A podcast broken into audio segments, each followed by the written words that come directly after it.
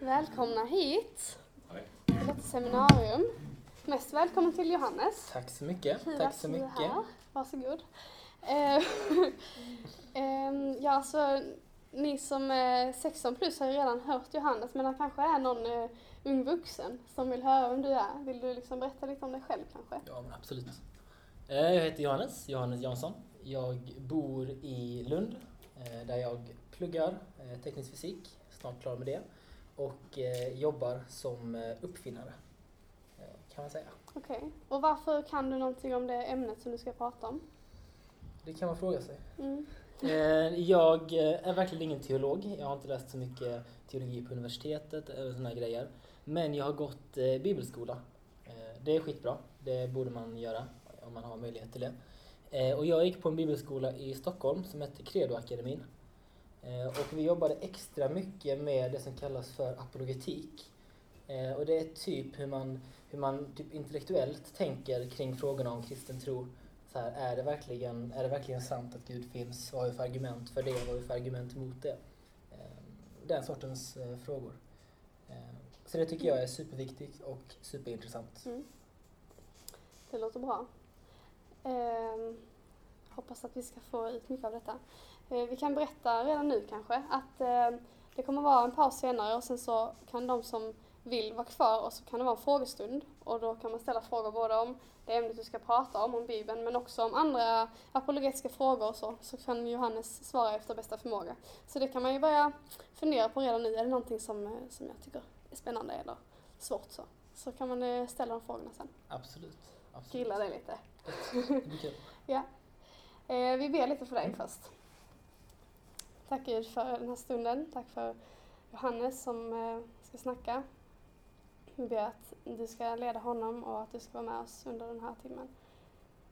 Eh, tack för att vi kan lita på dig och att Bibeln är någonting att lita på och eh, lyssna på. Tack för att du kommer och uppenbarar dig genom Bibeln. Kom och stärk vår tro, Herre. Tack för att vi får lov att pröva den intellektuellt. Vi lägger den här stunden i dina händer, Jesus. Amen. Amen. Varsågod. Tack så mycket.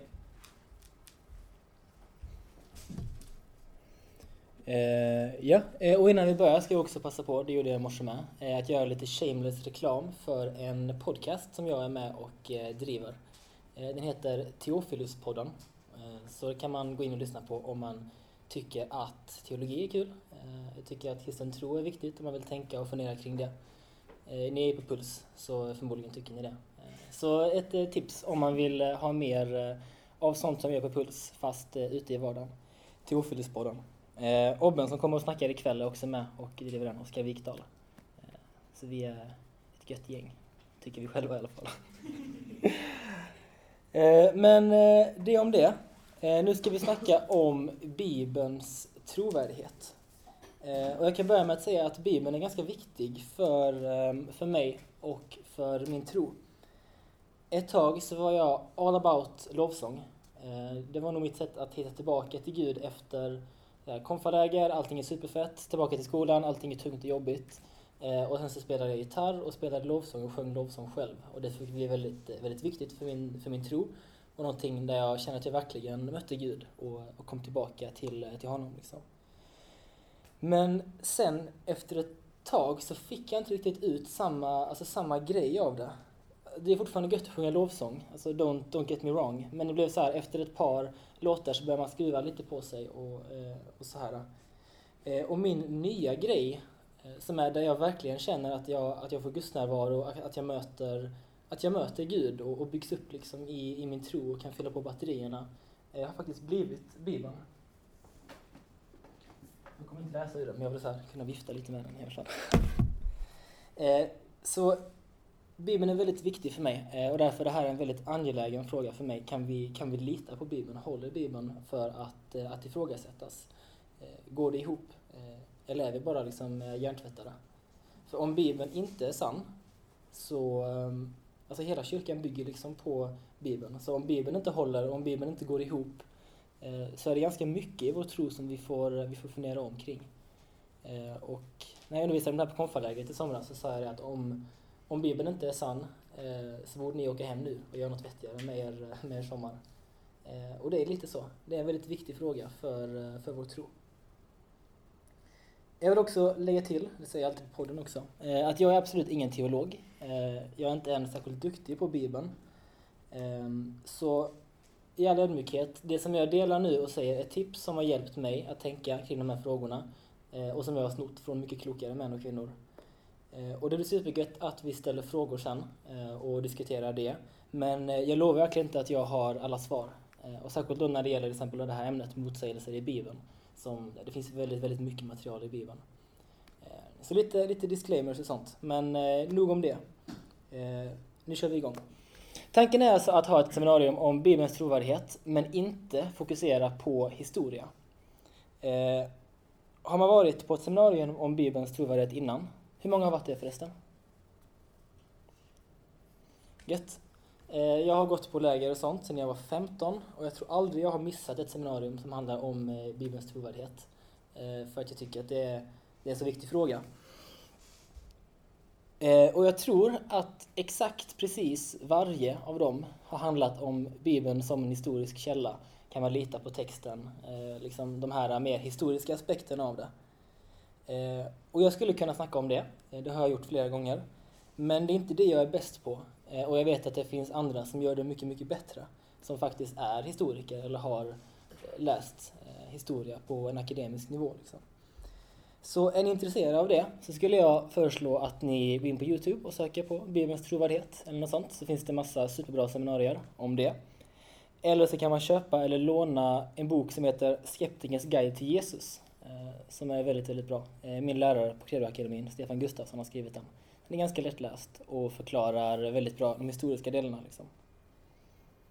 Men eh, i korthet, eh, om ni inte har koll på det, så tänker jag ändå spoila. Eh, inget seminarium är liksom komplett om man inte också pratar lite om det historiska. Så väldigt kort, jämfört med andra historiska texter så kan man säga att Gamla Testamentets trovärdighet, som, eller så här, status som källa, är helt okej. Okay. Det är en väldigt gammal text Eh, och därför är det väldigt svårt att hitta bra eh, avskrifter, liksom att kunna spåra den tillbaka i tiden. Men min uppfattning är att den är inte mycket sämre källa än eh, de flesta andra riktigt gamla skrifterna. Och den är inte heller en mycket bättre källa än de flesta gamla skrifterna. Men när det gäller Nya Testamentet så har den en oerhört hög status som källa rent historiskt. Vi vet att en klar majoritet av texterna som står i Nya Testamentet har skrivits av ögonvittnen eller personer som har pratat med ögonvittnen och intervjuat dem. Det finns väldigt bra skäl för att tro att författarna inte har ljugit ihop texterna, eh, utan att de själva trodde på det de skrev. De skrevs väldigt nära inpå att händelserna utspelade sig. Eh, så det har inte, varit, det har inte massa tid för liksom legendbildning eller överdrifter. För då hade folk bara kunnat I call bullshit eh, liksom, och, och lösa det där och då på plats. Och vi kan med mycket stor säkerhet säga att de texter som vi har idag innanför de här pärmarna är 99,7% lika det så som det var när det skrevs ner. Eh, vi kan spåra att det inte har blivit som i viskleken, att man överdriver lite för varje avskrift eller att det förskjuts supermycket. Nu har jag inte gett några argument för det och det tänker jag inte göra. Tror ni inte mig så kolla upp det. Ehm, även om ni tror mig så kolla upp det, för det är intressant. Eh, men inget seminarium om Bibelns trovärdighet är komplett utan att också prata lite om historia. Men jag tänker fortsätta med någonting eh, som jag inte heller ska prata om egentligen, Eh, nämligen eh, bibelsyn. Eh, bibelsyn är hur man ser på Bibeln. Vill ni veta ännu mer om bibelsyn? Eh, frågan här är egentligen, Bibelns trovärdighet, frågan är är Bibeln sann eller inte? Och det, det är väldigt relevant. Om vi, om vi liksom ska kolla på om Bibeln är trovärdig eller inte så måste vi säga, okej, okay, är den sann eller inte? Och på vilket sätt är den sann? För en text kan sägas vara sann på ganska många olika sätt. Här har vi de tre vanligaste bibelsynerna. En central bibelsyn, en evangelikal bibelsyn och en fundamentalistisk bibelsyn.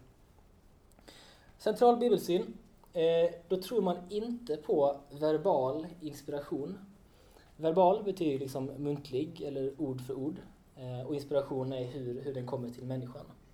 Eh, utan det man tänker är att folk har sett det som hände med eh, Jesus eller med Moses eller vad det är för någonting.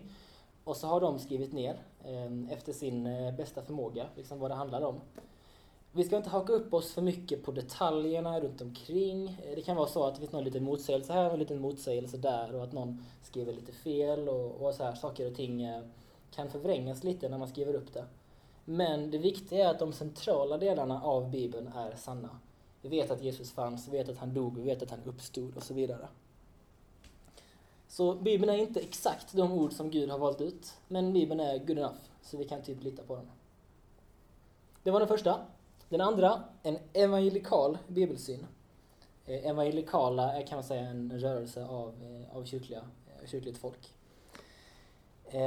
De menar att det ord som författarna har skrivit är de ord som Gud vill ha skrivna.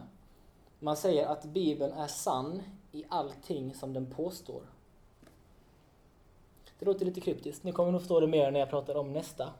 Eh, en fundamentalistisk bibelsyn. Då tror man på en verbal inspiration, alltså att Gud har valt ord för ord för ord för ord vad som ska skrivas. Och att eh, de som har skrivit ner texterna eh, har varit liksom som Guds skrivmaskiner. Så Gud liksom eh, viskar till dem och de skriver precis ord för ord eh, vad det ska vara för någonting. Så Bibeln är verkligen till punkt och pricka exakt de ord som Gud vill ha med i, i, i Bibeln.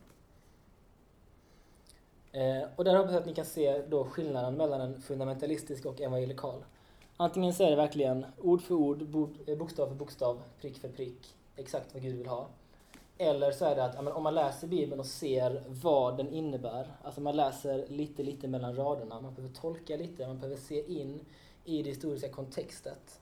Då kan vi komma fram till vad Bibeln egentligen säger. Det kanske var jag som var korkad när jag läste bibelskola, men eh, jag känner inte alls till de här sakerna och jag tycker det var ganska intressant eh, att ha de här begreppen i, i bakhuvudet när man närmar sig frågan om Bibelns trovärdighet. Eh, och jag kommer återkomma till det i slutet av den här föreläsningen och, och förklara varför det är viktigt att vi tänker på vår bibelsyn när vi, ehm, när vi funderar på Bibelns trovärdighet. Yes, eh, då kör vi igång. Jag har två stycken huvudnummer att bjuda på idag.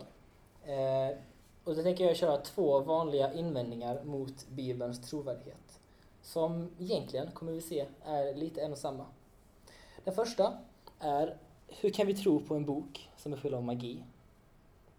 Och den andra är hur kan vi tro på en bok som är full av motsägelser?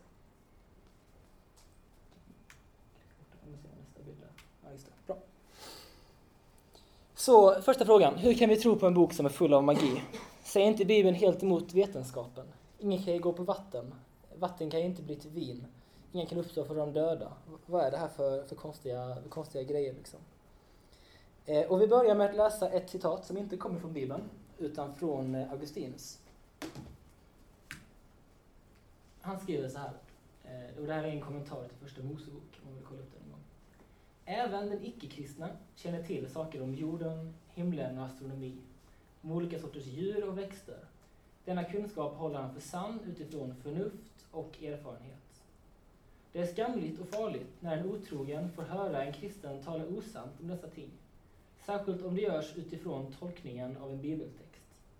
Vi borde göra allt för att undvika en sån skamlig situation som får folk att ignorera och förlöjliga den kristna tron. Problemet är inte att en kristen person blir förlöjligad, utan problemet är att personer utanför kyrkan tror att Bibelns författare delar dessa felaktiga åsikter. Om någon kommer på en kristen med att ha fel inom ett område de själv har kunskap om, och den kristne dessutom vidhåller att detta kommer från Bibeln. Hur ska de kunna tro på skriften i fråga om de dödas uppståndelse, hoppet om evigt liv och Guds rike? De tror ju att dess sidor är fulla av osanningar och saker de själva har lärt sig av erfarenhet och förnuft. Jag tycker det här statet betonar varför det är viktigt att ta sådana här frågor på allvar. När Bibeln hävdar någonting eh, som är övernaturligt. Och det gör den verkligen. Eh, eller när Bibeln säger någonting som tycks stå i konflikt med den moderna vetenskapen. Så måste vi vara noggranna med att kunna se det och förklara det. för, som den här texten då egentligen säger, om, om någon, liksom, eh, någon som inte har läst Bibeln innan men vet hur saker och ting fungerar i verkligheten eh, och sen läser Bibeln och säger att men det här stämmer inte med verkligheten på alla punkter som han kan dubbelkolla. Hur ska han då kunna lita på den i de frågorna som han inte kan dubbelkolla? Liksom? Så det är en liten motivation till varför vi ska ta de här frågorna på allvar eh, och verkligen fundera kring dem. Eh, jag har några punkter. Den första punkten, eh, som svarar på anklagelsen att Bibeln är full av magi, är att de flesta antika källor som vi kan läsa har övernaturliga inslag. Vissa läser Bibeln och säger ah, här står det att någon går på vatten. Det betyder att den här texten är, är värdelös, vi kan lika gärna slänga den. Men så brukar man inte göra om man är historiker, eh, om man vet hur man handskas med sådana här texter. Nästan alla gamla liksom, historieskrivare brukar slänga in övernaturliga liksom, inslag som en, en berättarteknik eller som en förklaringsmodell. Att men det var Gud som gjorde så att de hamnade där eller det var Zeus som såg till att den här äm, vågen kom in. Liksom. Eh, ett kul exempel är Julius Caesar. Eh, alla tror på Julius Caesar, att han har funnits. Eh, folk litar på källorna om, källorna om honom, på texterna om honom. Men de är fulla med så här omen och profetior och det kom en budbärare från himlen och sa det här och på himlen så stod den här texten och sånt. Eh, så där är det ingen som säger att ah, men vi borde slänga de källorna, de är inte värda någonting, bara för att de innehåller övernaturliga inslag. Däremot med Bibeln så är det många som försöker göra det argumentet. Den innehåller någonting övernaturligt, alltså är den, är den bullshit. Ehm, så lite dubbelmoral där. Sen är det klart att man, om man inte tror på det övernaturliga, kommer ta det med en nypa salt. Alltså en historiker kanske inte så här, ah, det stod i den här boken att det kommer tecken på himlen för Julius Caesar. Då måste det ha gjort så, nu ska jag förklara hur. Utan man säger kanske att, ah, men, den detaljen är nog, eh, är nog en överdrift, det är nog en språklig, eh, en språklig stilfigur eller något sånt här. Men det viktiga här är att Bibeln som källa eh, egentligen inte behöver sänka särskilt mycket bara för att man inte tror på de övernaturliga delarna. Nästa punkt. Om du förutsätter att det övernaturliga inte är möjligt så är kristen tro per definition omöjlig. För det vi sa innan, det förklarar inte de övernaturliga inslagen i sig. Det finns ett gäng teologer som arbetar med att försöka stryka och bortförklara allt övernaturligt i Bibeln. De har ett projekt som kallas för The Jefferson Bible. De har helt enkelt tagit Bibeln och läst duft, duft, duft, duft, duft, duft, duft, duft, duft, duft. Ah, här är någonting övernaturligt. Eh, då bara suddar vi ut det. Och så går de vidare, duft, duft, duft, duft. Och så gör de en helt ny bibel där de har plockat bort alla Guds ingripanden, allting som de inte kan förklara. Eh, och säger de, ja men den här bibeln eh, ska vi tro på istället. Låter det kul? Jag har faktiskt inte läst den, det skulle vara ganska spännande att se om de lyckas göra det, om de lyckas göra det sammanhängande eller inte.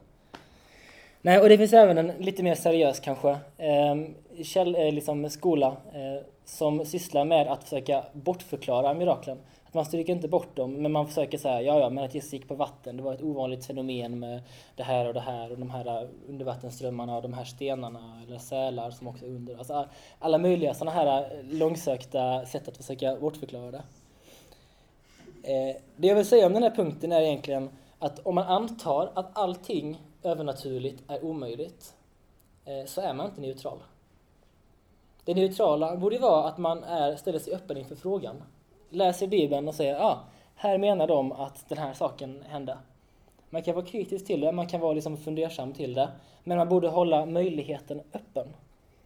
Och först när man har läst igenom allting och liksom sett hela frågan i sig så kan man ta, eh, kan man ta ställning liksom till det. Men om man går in och börjar läsa Bibeln utifrån att okej, okay, det kan inte finnas en gud, det kan inte finnas någonting, någonting övernaturligt. Då är det väl ingen större överraskning att man kommer fram till att nej, Gud finns nog inte och Bibeln är falsk. För Bibeln säger ju att Gud finns. Bibeln säger ju att det händer mirakel. Och vi som kristna tror på den sortens saker. Och för oss kristna så är det kanske inte så konstigt. Eh, för om vi tror att Gud finns, och vi tror att Gud är skaparen av allting, jag snackade om det nu i morse, som bara talar och hela världen kommer till, så är det inte så konstigt att han kan göra om vin till vatten. Eh, eller att han kan liksom leka lite med tyngdlagen så att Jesus kan gå på vatten. Eller sånt. Han botar ju hela liksom. Och eh, botar ju sjuka eh, och sådana grejer liksom. Botar inte så många hela. Eh, det gör han också i och för sig. Förlåt, det är synder. Ja. Eh, den tredje punkten eh, på eh, det här med eh, Bibeln och vetenskap. Eh, ska jag skjuta lite på, vi kommer ta den senare. Men det finns också lite allvarligare motsägelser mellan, kristen, mellan Bibeln och vetenskap. Och det är om Bibeln säger så här och så här och så här fungerar det. Och sen så kommer vetenskapen och säger nej, så här och så här och så här fungerar det. Då känns det långsökt att komma som kristen och säga att ah, men det är ett mirakel. När det här skrevs så fungerade världen på ett annat sätt och nu fungerar det på ett nytt sätt. Eh, det funkar liksom inte.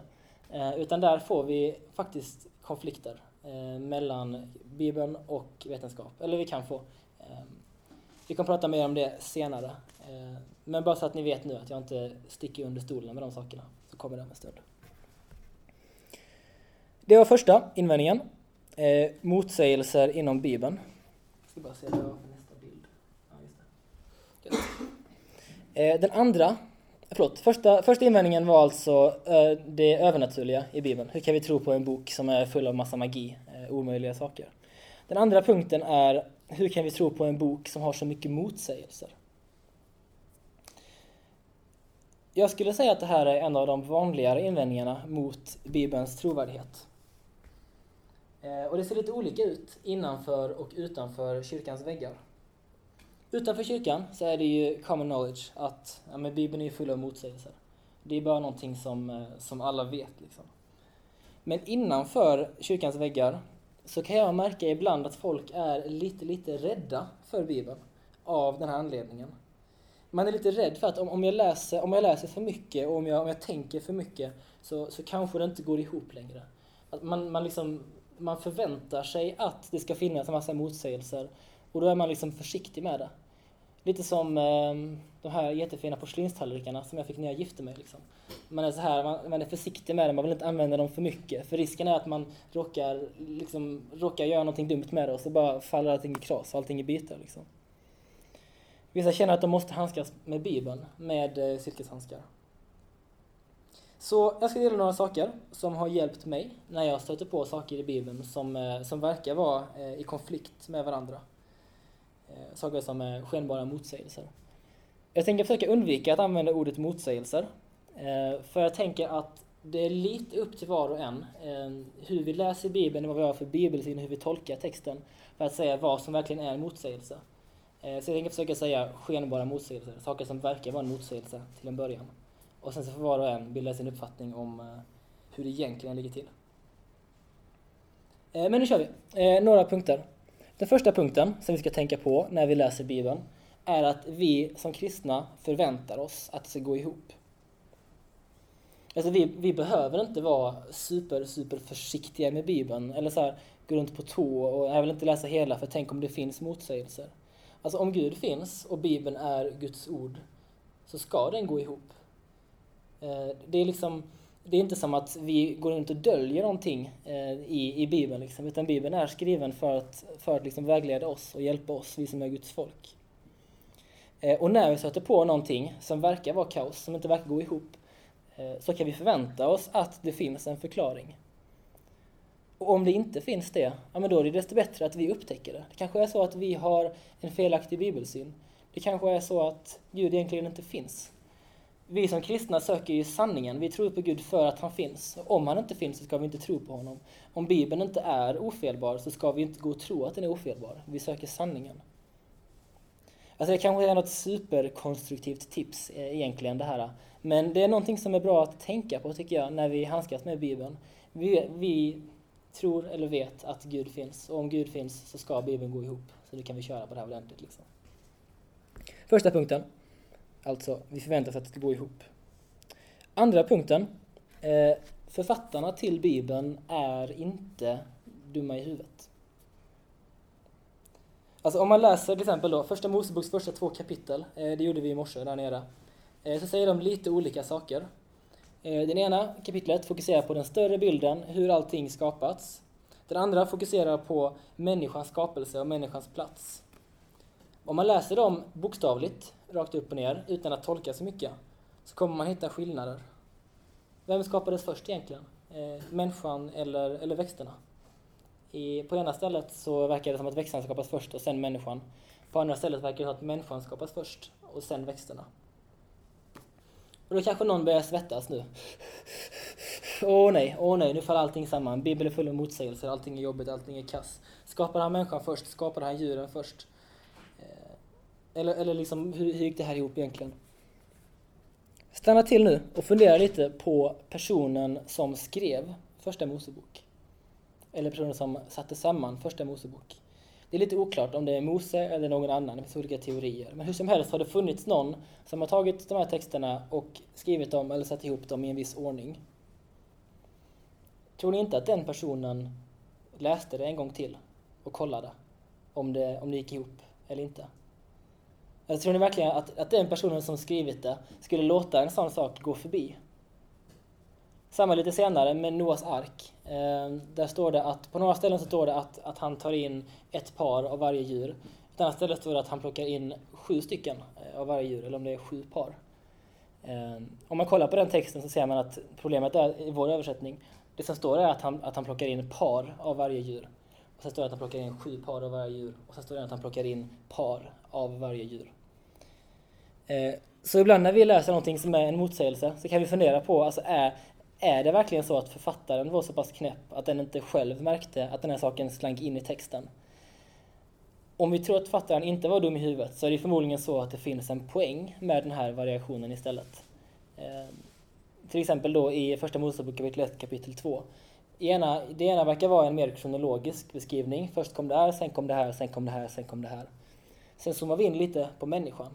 När han berättar om det så skriver man först att människan skapades och sen efter det så förklarar man just det, och så skapades ju växter och skapades djur och så vidare. Eh, det är inte en, en blunder eller en tabbe. Det är inte en författare som, som är knäpp och inte kan läsa sin egen text. Eh, utan ofta när någonting tycks vara en motsägelse så är det helt enkelt någonting som man försöker ge flera olika perspektiv på samma sak. Det finns en avsikt bakom att man skriver så som man gör.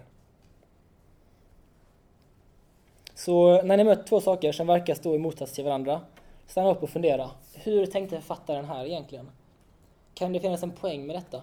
Kan det här vara samma sak beskriven i olika perspektiv? Kan det här vara olika sätt att belysa samma ämne? Eh, och så vidare.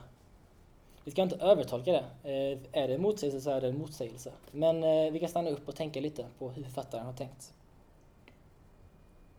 Okej, okay, det tredje nu en sak att tänka på när man läser Bibeln är att andra har varit där förut. De som skrev Bibelns böcker var inte dumma i huvudet. Inte deras barn heller. Inte de efter det, inte de efter det, inte de efter det. Det finns många hundra generationer eh, som har läst Bibelns texter. Eh, och jag vågar nog till och med säga att folk förr i tiden läste Bibelns texter ännu mer eh, än vi gör idag eh, överlag. Så om man hittar en motsägelse i Bibeln eh, så är det lätt att man tänker själv att shit, jag är den första som har hittat den här. Så tänker jag i alla fall alltid. Jag bara åh nej, åh nej. Eh, ingen har berättat om det här för mig. Eh, ingen annan har säkert sett det här innan. Eh, vad ska jag göra nu? Eh, nu har jag sabbat Bibeln för, eh, för alla människor här runt omkring. Ska jag verkligen berätta om det här för någon annan? Och så vidare. Hittar du en motsägelse i Bibeln så finns det garanterat någon som hittat den innan dig. Och det är nästan säkert att någon har skrivit någonting om det här bibelstället eh, och hur man kan tänka, hur man kan förklara det. Så man kan ganska kyligt räkna med att hitta, hitta material om de motsägelser man hittar eh, i Bibeln. Eh, både från kristna hållet, folk som försöker förklara eller försvara vad det egentligen är som menas, varför det här kanske inte är en motsägelse alls. Och från det ateistiska hållet, med folk som kommenterar, anmärker på att det här är någonting, någonting allvarligt. Eh, och en bra början, eh, tycker jag i alla fall, när man sätter på en motsägelse i Bibeln, är att reda ut det. Eh, googla lite. Googla är typ det bästa tipset för teologi, typ, tycker jag i alla fall. Googla lite och sök liksom på det här bibelstället och lägg till så här contradiction eller någonting och se lite, men vad skriver folk? Vad säger ateisterna? Vad säger de kristna? Hur kan man tänka kring det här liksom? Ett annat tips, om man inte orkar googla eller om man tittar något bra, är ju att fråga någon som är lite äldre det tycker jag är rätt så lätt att glömma bort. Typ att alla, alla de som jag inte pratar med i kyrkan så mycket eh, har också läst Bibeln, har också varit i min ålder, har också funderat över de här frågorna. Så om man ställer frågor till folk runt omkring sig så finns det ofta någon som har läst den här texten innan och som har funderat på just den här saken. Och så kan man tillsammans fundera över hur det går ihop. Det var tre saker. den sista saken jag vill prata om när det gäller motsägelser i Bibeln är det här med texttyper. Eh, för när vi läser Bibeln eh, så innehåller den ju massor med böcker, 66 tror jag det är. Och de böckerna har supermånga olika texttyper. Eh, är det någon som vet en, typ en, en texttyp som finns i Bibeln eller en sorts bok som finns i Bibeln? Ja. Poetiska. Poetiska. Ni kan bara säga ut om ni vet om det. Historisk skrivning. Ja.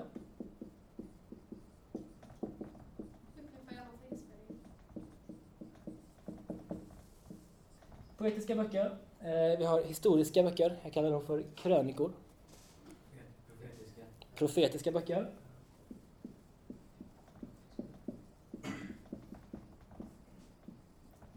Apokalyptiska. Apokalyptiska. Snyggt.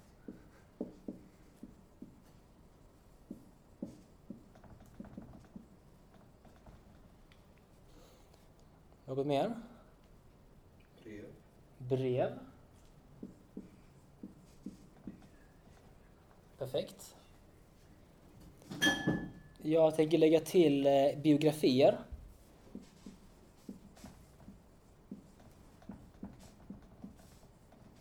Eh, man brukar säga att, att evangelierna är biografier eh, om Jesus.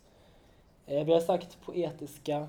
Eh, vi kan förtydliga det också med att det innehåller även till exempel sånger och ordspråk eh, och den typen av saker. Dessutom så är det så att i de här olika genrerna så finns det underkategorier i liksom själva textstyckena. Eh, I biografin om Jesus så finns det liknelser. Eh, det finns bilder eh, som man använder för att förklara någonting. Det finns överdrifter. Man använder ofta överdrifter när man pratar för att göra, liksom, få in poänger. Och det finns talesätt. Det är viktigt att tänka på det, för man riskerar alltid att hamna i en överdrivet fundamentalistisk tolkning. Eh, jag sätter på folk ibland som, eh, som säger så här att ja men eh, eh man behöver inte tolka Bibeln. Sluta snacka om de här bibelsynen och bibeltolkningsgrejerna. Man behöver inte tolka den, det är bara att läsa som det står. Eh, Då brukar jag läsa Lukas 13 för dem. Just då kom några fariseer fram och sa till honom Gå härifrån och lämna den här platsen. Herodes vill döda dig. Jesus svarade dem Gå och säg till den räven Se, jag driver ut onda andar och botar sjuka idag och imorgon. En förklaring är ju att Herodes förvandlades till en räv under en kort stund och Jesus sa det här och så förvandlades han tillbaka till en människa igen senare. Eh, men alltså seriöst, eh, vi måste, vi kan inte komma ifrån att Bibeln, precis som alla andra texter som vi läser och förstår, innehåller den här typen av, eh, av saker. En överdrift, ett bildspråk, en liknelse och den typen av saker.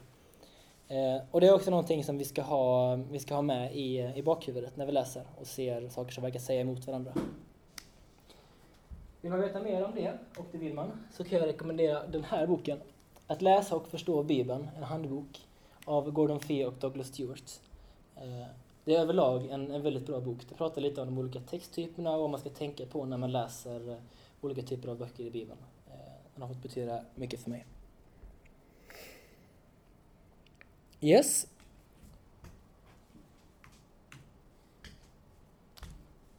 Eh, jag skulle vilja avsluta med att ge er ett verktyg som ni kan använda när ni stöter på motsägelser i Bibeln eller mellan Bibeln och andra saker. Jag ska bara komma on track again. Just det. Eh, som ni förhoppningsvis märker eh, så har inte jag nu löst alla problem Eh, med Bibelns trovärdighet och med motsägelser i Bibeln. Jag har knappt löst något, kanske något ark. Eh, men jag har mest gett er verktyg som ni kan arbeta med. Eh, och det här är en väldigt enkel modell men som jag tycker är ganska bra att använda när vi stöter på saker och ting som inte verkar gå ihop ordentligt. Och det är så att vi har två saker, ehm, till exempel två olika bibelord. Som exempel så skulle vi kunna ta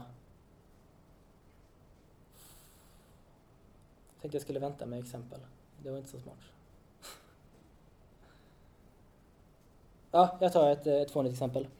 Eh, frågan vi ska utreda nu är, finns det utomjordingar i Bibeln? Eh, finns det utomjordingar? På ena sidan här så kan vi sätta Bibeln. Vad säger Bibeln om frågan? Och på andra sidan här, förlåt, här uppe så sätter vi, eh, sätter vi vetenskapen. Men så detta är inte motsägelser inom Bibeln då, utan? Ja, vi kan använda det för både och. Nu kör vi ett exempel på motsägelser mellan Bibeln och andra saker. Då kollar vi, okej, vad säger Bibeln om huruvida det finns eh, utomjordingar? Ja, det är osäkert. Det är, det är väldigt osäkert. Bibeln är väldigt, det står väldigt lite om eh, utomjordiskt liv, eh, eller astrofysik överlag, i Bibeln. Så det hamnar här nere. Vad säger vetenskapen om eh, utomjordingar? Det är också ganska osäkert. Eh, det kommer alltså hamna i den här i kolumnen. Eh, så där har vi då förmodligen en ganska, en ganska svag konflikt eh, om de skulle säga emot varandra. Eh, en svårare sak kanske skulle vara om man pratar om eh, evolution. Eh, jag tänker inte hålla ett seminarium om det eh, just nu. Men eh, många skulle mena att Bibeln är väldigt tydligt mot eh, läran om evolutionsteori eh, utifrån hur man tolkar Första Mosebok kapitel 1 och 2 med döden. Eh, vetenskapen säger sig vara väldigt säker på det här med evolutionsteori. Där har, alltså- där har vi alltså potential för en ganska stark konflikt. Det väldigt intressanta sen blir om man får en blandning. Eh, när vi är väldigt säkra på vad Bibeln säger, men ganska osäkra på vad vetenskapen säger. Då skulle jag säga att vi kan vara ganska coola och säga att ja, jag är inte så säker på att jag litar på den nuvarande vetenskapen. Vetenskapen förändras också hela tiden, blir bättre, ändrar sig, utvecklas liksom. Men också, och det här kanske är lite mer radikalt, att det kan vara på andra hållet. Ehm, det finns ett bibelställe om världens, eh, världens fyra hörn som folk använder för att säga att ja, jorden måste vara platt. Ehm, vetenskapen, jag är fysiker, jag skulle säga att vetenskapen är pretty sure på att jorden är rund. När det gäller det här bibelstället så skulle jag säga att den här tolkningen, att, eh, alltså att, att man tar den här texten och tolkar den som att det betyder att jorden är platt, är en ganska osäker tolkning. Och där kan jag låta vetenskapen påverka hur jag tolkar Bibeln. Det betyder inte att, Bib- att Bibeln i sig böjer sig för vetenskapen, men det jag säger är att min tolkning av Bibeln kan anpassas efter vad vetenskapen säger, om jag är osäker i min tolkning. Det här skulle inte jag eh, gå in på nu, jag tänkte jag skulle spara det till, eh, till eh, senare. Men förhoppningsvis, om det är någon som vill stanna kvar efteråt, så skulle vi kunna ta några andra frågor som ni har och testa att använda den här modellen. Är den bra så kommer den till användning, helt enkelt. Yes, eh, tiden rullar på. Eh, och det här var nog egentligen det jag tänkte gå igenom idag. Den kan få vara kvar. Eh, jag hoppas det kan ge er någonting. Det det verktyg som har hjälpt mig ganska mycket i min tro och i min, i min bibelläsning. Att jag blir mer bekväm med Bibeln. Men som en sista grej skulle jag vilja gå tillbaka till frågan om bibelsyn, som vi pratade om innan. Och reda ut ett vanligt missförstånd. Problemet här är att många blandar ihop frågan om Guds existens med frågan om bibelsyn. Eh, det låter lite skumt, men jag ska försöka förklara. Det här gäller särskilt folk som har en väldigt hög bibelsyn, alltså som, som tror att Bibeln är helt ofelbar, eh, ofta till punkt och pricka. Liksom. När de sen börjar möta den här typen av skenbara motsägelser eller konflikter eh, inom Bibeln eller mellan Bibeln och någonting annat, eh, så skakar hela deras tro. För de har byggt sin tro på att Bibeln är ofelbar, på, liksom sin, på, den, på det sättet som de tror. Och det är inte orimligt. Det är klart att ens tro kommer påverkas eh, om man ändrar sin bibelsyn. Säg att jag är helt övertygad om Bibelns absoluta sanning. Varje punkt och pricka är direkt inspirerad av Gud. Och sen så läser jag om Judas Iskariots död. På ett ställe så står det att han hänger sig, på ett ställe står det att han, att han sväller upp och att han, att han ramlar och spräcker sin buk. Egentligen så är ju det här någonting man borde tappa sin tro på. Alltså sättet som Judas Iskariot dör på är ju inte med liksom i trosbekännelsen. Det är, liksom inte, det är liksom inte så att Gud, Guds existens hänger på frågan om hur dog Judas Iskariot efter att han hade förrådit Jesus. Eh, så, så egentligen så påverkar inte den frågan eh, Guds existens. Eh, och om man sätter på en sån här motsägelse eh, så är det värsta som kan hända att vi måste se över vår bibelsyn. Vi måste fundera på, okej, men är verkligen Bibeln helt ofelbar? Eh, Kan det vara så att eh, Bibeln är ofelbar i vad den menar eh, och att det finns små stavfel eller små liksom, detaljer som säger emot varandra? Kan det vara så att det bara är de centrala delarna i Bibeln som stämmer och vi inte kan lita för mycket på delarna runt omkring? Eh, det är viktigt att tänka på att det finns folk som har en mer central bibelsyn, eh, eller som har en mindre fundamentalistisk bibelsyn, som fortfarande är kristna och som lever ut sin tro eh, ordentligt. Liksom. Så frågan om hur Judas hängde sig eh, är inte en fråga om, om Guds existens.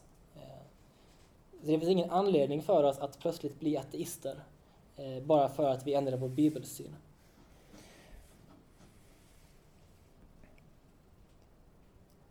Och sen har jag förklarat hur Judas dog, men eh, det tänker jag att vi kan spara som en teaser eh, till eh, lite senare. Gött att avsluta med va? Judas Iskariot som hänger sig och spricker upp. Men eh, vi har pratat lite om bibelsyn. Vi har pratat om hur bibelsyn relaterar till frågan om Bibelns tillförlitlighet. Vi pratar om vad vi ska göra när Bibeln och naturvetenskapen säger emot varandra. Vi pratat lite om vad vi kan tänka på när vi hittar motsägelser inom Bibeln. Hoppas det har varit givande för er. Eh, jag tycker alltid det är kul att snacka om sånt här och hoppas att några vill stanna kvar och diskutera mer eh, senare.